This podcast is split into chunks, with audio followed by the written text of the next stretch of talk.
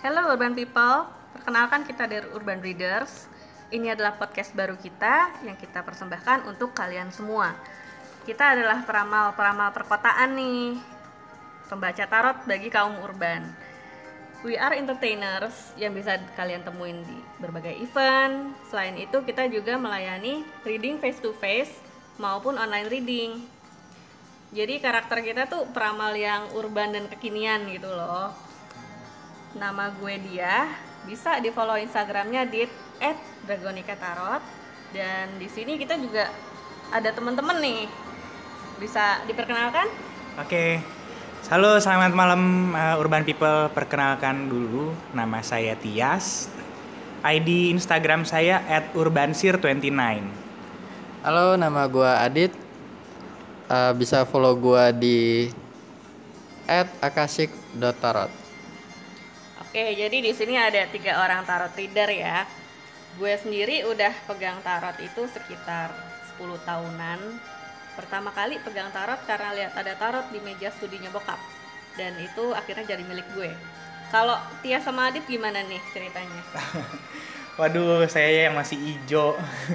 Pokoknya uh, saya itu tertarik sama dunia tarot memang karena dulu waktu pernah waktu kecil sih.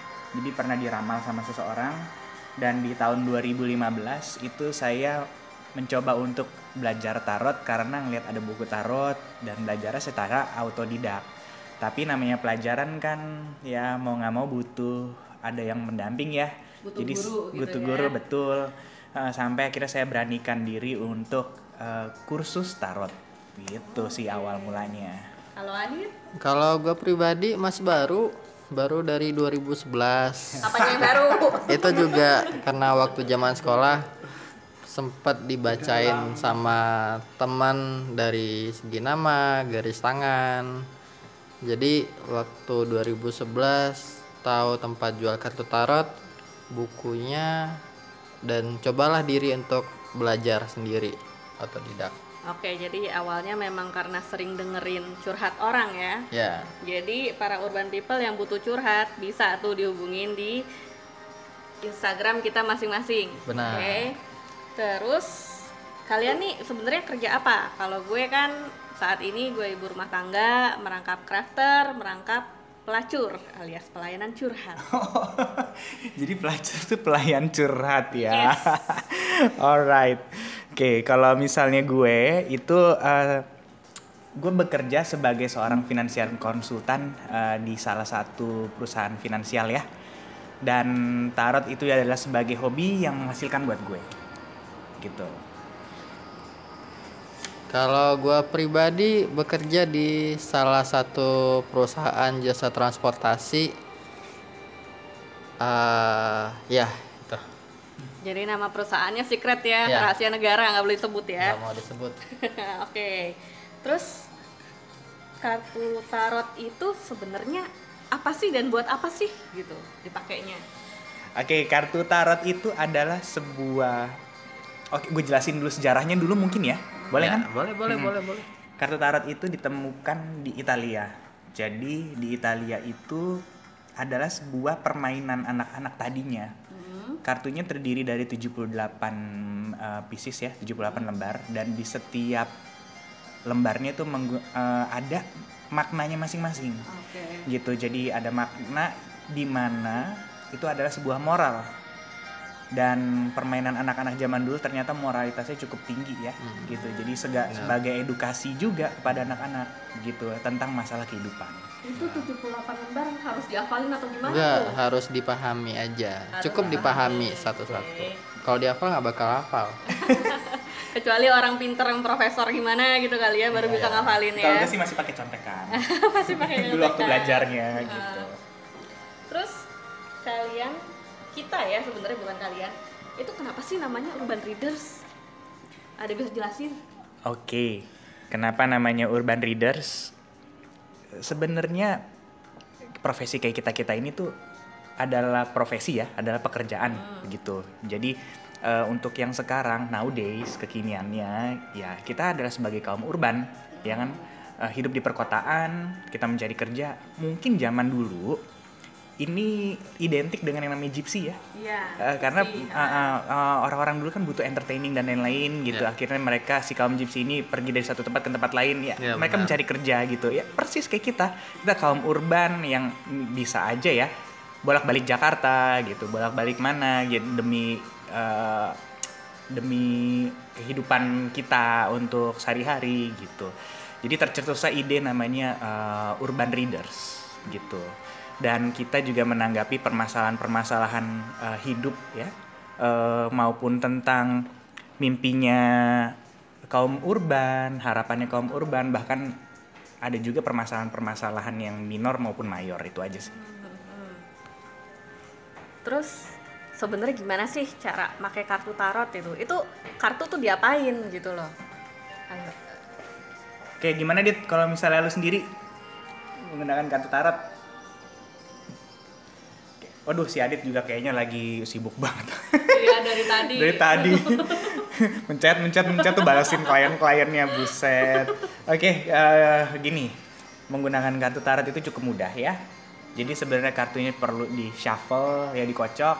Terus kita harus tanya tentang pertanyaan yang mendasar atau apa yang sebenarnya kita gundah gulanakan gitu. Misalnya ini hari ini gue kenapa ya? Kok perasaan gue emosinya berlebihan banget gitu. Nah bisa ngambil satu kartu kah, tiga kartu kah gitu. Bahkan ada banyak tekniknya sampai dengan 10 kartu atau bahkan bisa sampai 20 kartu gitu. Jadi di situlah eh, ada pesan-pesannya karena setiap yang gue bilang tadi, setiap gambar itu mewakili entah eh, pesan-pesannya tentang emosinya gitu, sehingga kita mendapatkan jawaban dari situ. Itu sih eh, pengalaman gue ya. Hmm. Jadi kartu tarot nih bisa sebagai media konseling, bisa juga ramalan, dan setahu gue bisa juga untuk dipinasi ya. Iya. Ya, terus benar. biasanya tuh juga orang konseling. Jadi kita hampir nggak ada bedanya dengan psikolog ya. Psikolog non formal gitu ya Betul, tepatnya. psikolog non formal, bener-bener banget. Terus kalau ngeramal nih, itu gimana sih caranya? Misalnya dari masa lalu, apa kita bisa memprediksi hal yang Oh. bisa bakal terjadi di depan? gitu? Understand. Ya. Jadi meramal itu sebenarnya kan terbaik terdiri dari gini deh eh, waktu itu terdiri dari tiga bagian ada past ada present ada future ya jadi eh, digunakan sebagai metode yang namanya meramal tadi eh, terkadang kita membutuhkan suatu jawaban akan kenapa masalah itu terjadi jadi kita mengupas masa lalu dan eh, pada saat sekarangnya itu adalah biasanya sebuah saran ya eh, untuk solusinya. Begitu. Dan untuk future-nya biasanya apabila saran udah dilakukan seperti ini nah nanti outcome-nya seperti apa? Ke depannya seperti apa? Jadi sebenarnya sistem ramalan tuh lebih ke arah strategik sih. Oh gitu. Heeh, jadi lebih ke arah planningnya Jadi, dari permasalahan. Bisa untuk kita merencanakan sesuatu, apakah ini adalah hal yang baik buat saya atau enggak gitu ya? setuju gue Oke, jadi jadi sebenarnya nggak ada klinik-klinikan ya di sini. nggak ada banget Jadi sebenarnya ini pure logika, betul logik gitu ya. balik lagi masalah kehidupan ya Mhm. Masalah kehidupan ini biasanya apaan aja? Ya, jadi masalah-masalah kehidupan tuh rata-rata nih. Semua pernah gak sih masa ngalamin masalah percintaan? Semua pernah. Semua pernah ya, lu pernah ya? Oke. Masalah keuangan. Pernah. Iya, everyone does it ya. Oke, selain itu bisnis ya, tentang apa yang kita kerjain, upayain ya. Terus masalah tentang relasi antara orang ke orang itu meter loh. Gitu. Jadi, ya itulah masalah-masalah kehidupan aspeknya. Ya. Jadi nggak cuma satu atau dua aspek, tapi semua. ya. Semuanya. Semua bisa ditarot ya. Bisa semua bisa ditaruh. Jadi nggak cuma ramalan cinta atau zodiak, tapi bisa segala macem, segala macam hal. Betul. Bisa. Keren, Keren juga ya tarot ya. Canggih banget. Jadi sebenarnya mainan dari abad dulu-dulu ini Gak ngerti deh. bener-bener mantep gitu Ah, ya. kayaknya sakti orang gitu. betul orang-orang zaman dulu tuh tokcer tokcer banget ya pemikirannya gitu. Hmm. Bahkan pinter-pinter banget sih. Mm-mm. Itu aja. Terus gue pernah denger nih istilah card of the day itu apa sih? Oh, biasanya sih ini kita kalau sebagai readers ya, ini semacam kayak definition. Jadi nih, itu sebuah saran buat kamu, card of the day. Ya, jadi caranya cukup gampang. Kamu punya kartu tarot, nggak apa-apa beli aja lagi buat punya punyaan ya. Buat punya beli di toko-toko buku eh, impor. Kalau Iya, kamu toko ke, impor ya biasanya. betul. Lihat ada tarot card, ya udah di dalam tarot toko card. sulap ya. Tok- toko sulap juga ada, betul. Nggak usah jauh-jauh, kalau memang mau nyari di online juga bisa sih. Sekarang apa Udah aja ada ya. jual. Gitu. Jadi setelah Atau kalian nyari punya dia kasih tarot juga bisa. Oh, jualan bapaknya ya, ya ampun. Oke, ya terus abis itu kalian kocok kartunya, ya ambil cuma Ambil satu, satu aja, kartu. Hmm, satu kartu ya, gitu ya. Nah dari situ pesan moralnya ada di situ. Ya, ibaratnya eh, seperti apa gambaran satu hari itu. Dan oh gitu, di jadi karena itu namanya card of the day ya. dan di apa ya dilihat eh, hasilnya malamnya Oke. seperti eh, sama nggak kayak yang dibuka di kartunya. Jadi dengan segala macam kesaktiannya tarot yang kita udah omongin nih, sebenarnya siapa aja sih yang bisa pakai tarot? Apakah semua orang boleh? Atau cuma orang-orang tertentu aja yang boleh? Urban Readers doang. eh enggak deh, enggak, enggak, enggak, enggak, enggak, enggak. Semua orang bisa. Semua orang bisa, betul. Semua orang bisa. Semua orang berhak. Iya kan? Jadi semua orang berhak keren. Loh, Oh, itu kayak jadi salah satu itu keren ya. ini jadi kayak slogannya salah satu komersial nih. Ah, keren adalah hak segala Bangsa. Oke. ya gitu deh. Hmm. Nah, jadi everyone deserve the best in life gitu ya. Jadi siapa pun boleh pegang tarot, siapa pun bisa belajar tarot. Yang penting mau belajar aja ya sebenarnya. Ada niat aja. ada niat dan kita memang suka sama tarot itu gitu karena tarot juga ada banyak dan kalau buat gue sih ya tarot itu satu karya seni Hmm. nah karena 78 lembar kartu itu kan cantik-cantik gambarnya gitu Iya, iya. Versinya juga ada banyak loh. Versinya Iya. banyak. Ya, heeh. Lo ada berapa kartu tarot? Kalau pribadi koleksi lo? berapa belas Belas ya. nggak gitu banyak ya. Wow. Lu di Sama sih. sama ya. iya, gue juga sama sih. gue seneng aja gue total gue yang gue punya sampai saat ini ada 13. 13 sama kartu. lah ya Iya, sama 15-an. lah. 11. jadi kita kolektor juga ya sebenarnya Cantik-cantik soalnya decknya, gue suka banget. Oke. Terus apa lagi ya? Hmm, dibilang siapakah yang bisa baca tarot ya kita dong urban readers. Terus sebenarnya sih gue cuma bilang kalau cuma mau bilang kalau tarot itu fun dan di sini kita nggak pakai klinik-klinikan sama sekali jadi nggak usah ngerasa takut atau Bener, lu gimana nggak pakai nggak pakai jin gitu. enggak enggak Enggak ya, enggak pakai tomang. kan kadang-kadang suka ada orang yang peramal takut ah nggak mau enggak kok kita nggak kayak gitu Enggak ya. Jadi kita Ramalan pure. itu syirik loh, nggak boleh segala macam. Gini gini gini ramalan itu syirik nggak boleh ya. Besok lu memperkirakan kalau besok hujan nggak ya? Apakah itu termasuk syirik enggak kan? Nah, jadi segala aspek kehidupan kayak ya yang kayak gue bilang tadi ya, maupun ya relationship orang ke orang ini. Sebenarnya itu kan hanya pikiran kita ke depan gitu loh sebagai langkah atau langkah awal memprediksi sesuatu agar misalnya ini nggak terjadi seperti ini itu wajar lagi. Dan secara nggak langsung alam bawah sadar kita juga bermain di dalamnya. di dalam situ ya? Oke deh.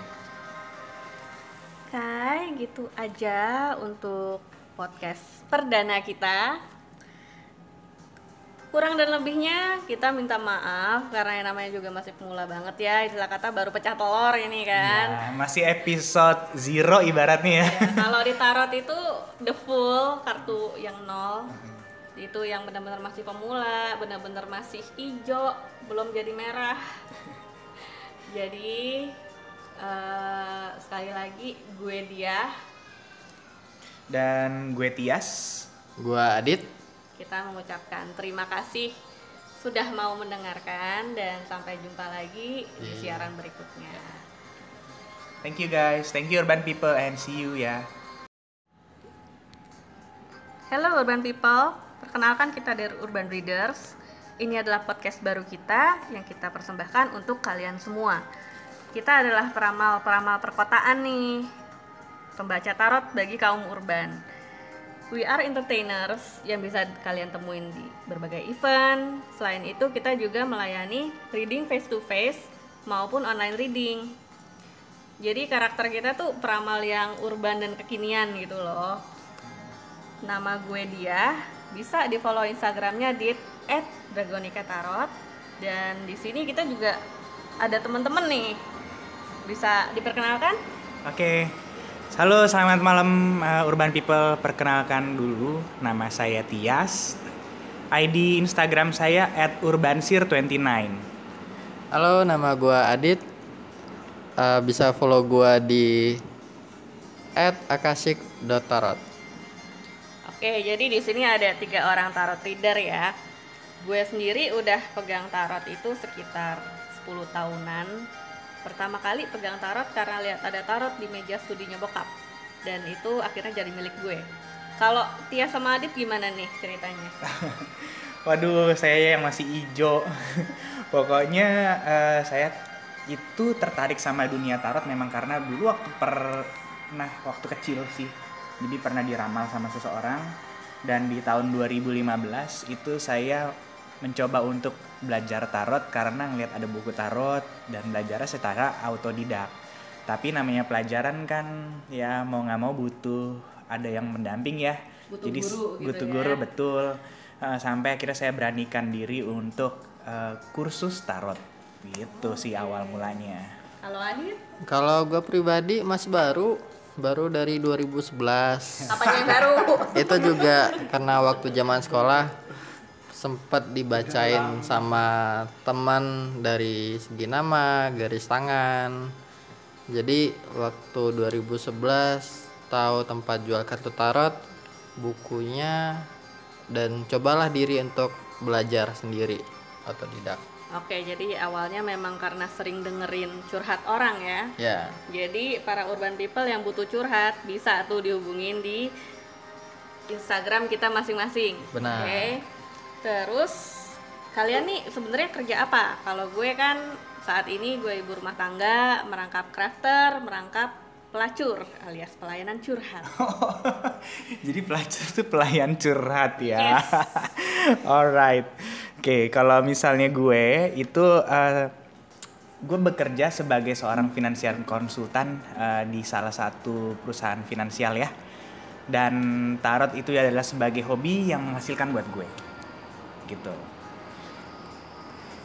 Kalau gua pribadi bekerja di salah satu perusahaan jasa transportasi. eh ya, itu. Jadi nama perusahaannya secret ya, Ya. rahasia negara nggak boleh disebut ya. Nggak mau disebut. Oke. Terus kartu tarot itu sebenarnya apa sih dan buat apa sih gitu dipakainya? Oke, kartu tarot itu adalah sebuah Oke, gue jelasin dulu sejarahnya dulu mungkin ya. Boleh Ya, kan? Boleh, boleh, Hmm. boleh, boleh. Kartu tarot itu ditemukan di Italia. Jadi di Italia itu adalah sebuah permainan anak-anak tadinya.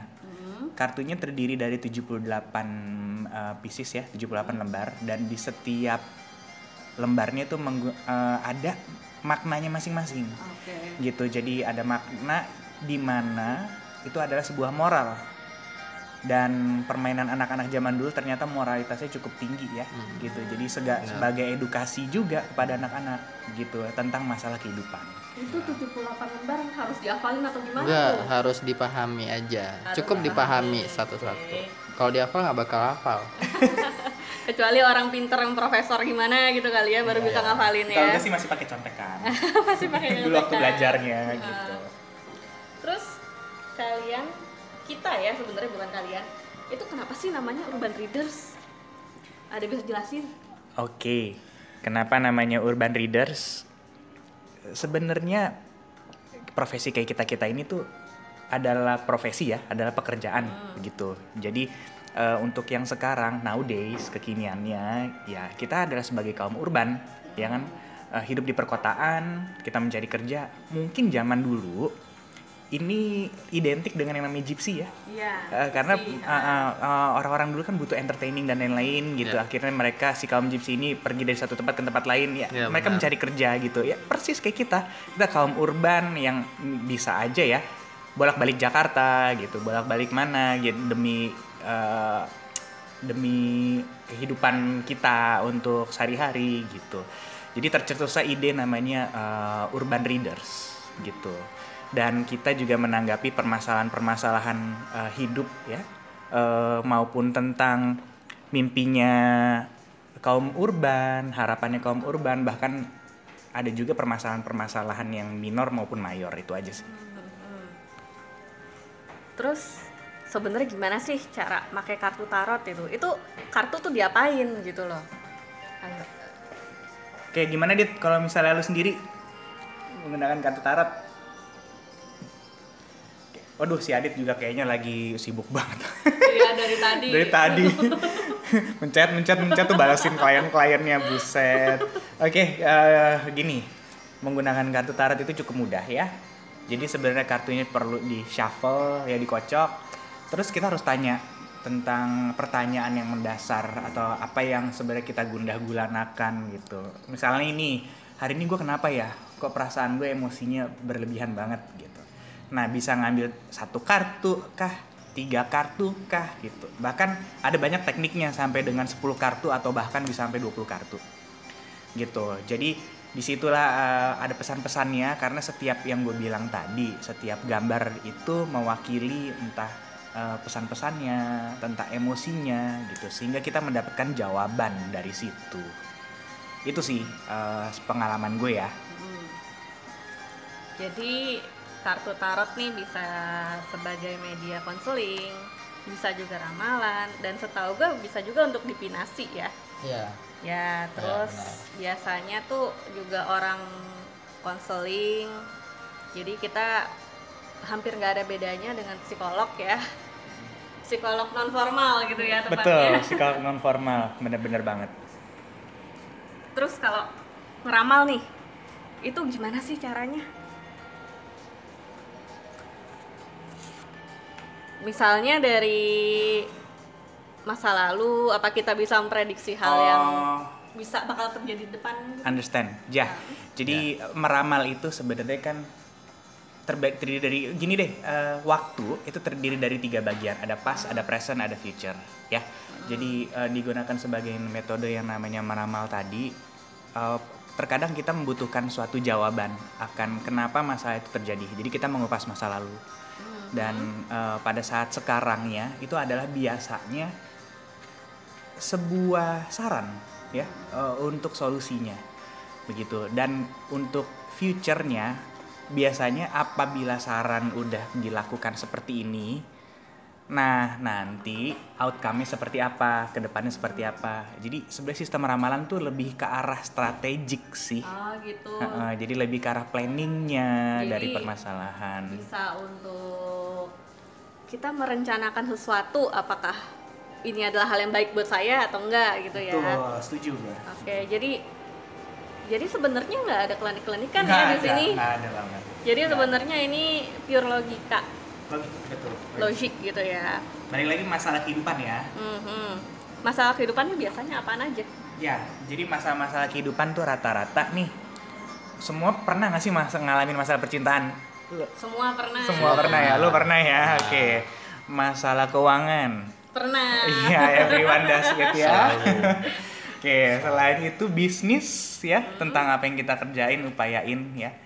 Terus masalah tentang relasi antara orang ke orang itu meter loh. Gitu. Jadi, ya itulah masalah-masalah kehidupan, aspeknya. Ya. Jadi nggak cuma satu atau dua aspek, semua. ya. Semuanya. Semua bisa ditarot Satu, ya. satu. bisa semua bisa ditaruh Jadi nggak cuma ramalan cinta atau zodiak, tapi bisa segala macam, segala macam hal. Betul. Bisa. Mm.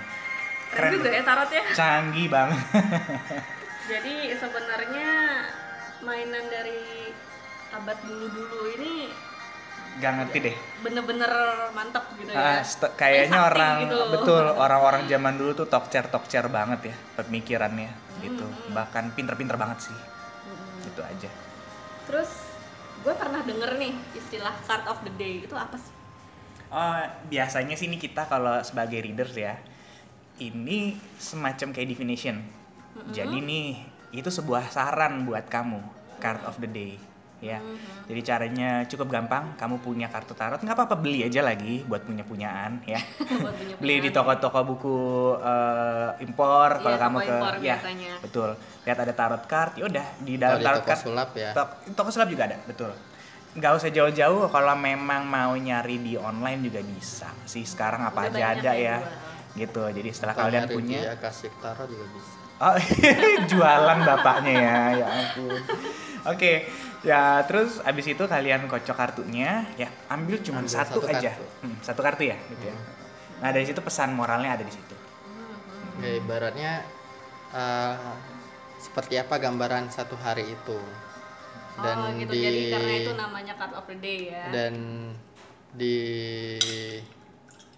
apa ya dilihat eh, hasilnya malamnya oke Sepet, eh, sama nggak kayak yang dibuka di kartunya. Hmm, Jadi dengan segala macam kesaktiannya tarot yang kita udah omongin nih, sebenarnya siapa aja sih yang bisa pakai tarot? Apakah semua orang boleh? Atau cuma orang-orang tertentu aja yang boleh? Urban Readers doang. eh enggak deh, enggak, enggak, enggak, enggak, enggak, enggak. Semua orang bisa. Semua orang bisa, betul. Semua orang bisa. Semua orang berhak. Ya kan? Jadi semua orang berhak keren. Loh, Oh, itu kayak jadi salah satu itu keren ya. Jadi kayak slogannya salah satu komersial nih. Ah, keren adalah hak segala Bangsa. Oke. ya gitu deh. Hmm. Nah, jadi everyone deserve the best in life gitu ya. Jadi siapa pun boleh pegang tarot, siapa pun bisa belajar tarot. Yang penting mau belajar aja ya, Ya. sebenarnya. Ada niat aja. ada niat dan kita memang suka sama tarot itu gitu karena tarot juga ada banyak dan kalau buat gue sih ya tarot itu satu karya seni Hmm. nah karena 78 lembar kartu itu kan cantik-cantik gambarnya gitu Iya, iya. Versinya juga ada banyak loh. Versinya Iya. banyak. Ya, heeh. Lo ada berapa kartu tarot? Kalau pribadi koleksi lo? berapa belas Belas ya. nggak gitu Banyak ya. Wow. Lu di Sama sih. sama ya. iya, gue juga sama sih. gue seneng aja gue total gue yang gue punya sampai saat ini ada 13. 13 sama lah ya Iya, sama 15-an. lah. 11. jadi kita kolektor juga ya sebenarnya Cantik-cantik soalnya bukunya, gue suka banget. Oke. Terus apa lagi ya? Hmm, dibilang siapakah yang bisa baca tarot ya kita dong urban readers. Terus sebenarnya sih gue cuma bilang kalau cuma mau bilang kalau tarot itu fun dan di sini kita nggak pakai klinik-klinikan sama sekali jadi nggak usah ngerasa takut atau Bener, lu gimana nggak pakai nggak pakai jin gitu. enggak enggak Enggak ya, enggak pakai tomang. kan kadang-kadang suka ada orang yang peramal takut ah nggak mau Heeh. enggak kok kita nggak kayak gitu Enggak ya. Jadi kita Ramalan pure itu syirik loh, nggak boleh segala macam. gini gini gini ramalan itu syirik nggak boleh ya. Besok lu memperkirakan kalau besok hujan nggak ya? Apakah itu termasuk syirik nggak kan? Nah, jadi segala aspek kehidupan kayak ya yang kayak gue bilang tadi ya, maupun ya relationship orang ke orang ini sebenarnya itu kan hanya pikiran kita ke depan gitu loh sebagai langkah atau langkah awal memprediksi sesuatu agar misalnya ini nggak terjadi seperti ini itu wajar lagi Dan secara nggak langsung alam bawah sadar kita juga bermain di dalamnya. di dalam situ ya Mm-mm. oke deh Oke, gitu aja untuk podcast perdana kita. Kurang dan lebihnya kita minta maaf karena yang namanya juga masih pemula banget ya. Istilah kata baru pecah telur ini kan. Ya, masih episode zero ibaratnya ya. Ya, kalau di tarot itu the full kartu yang nol itu yang benar-benar masih pemula, benar-benar masih hijau, belum jadi merah. Jadi eh, sekali lagi gue dia Dan gue Tias. Gua Adit, kita mengucapkan terima kasih sudah mau mendengarkan dan sampai jumpa lagi di Iya. siaran berikutnya. Thank you guys. Thank you urban people and see you ya.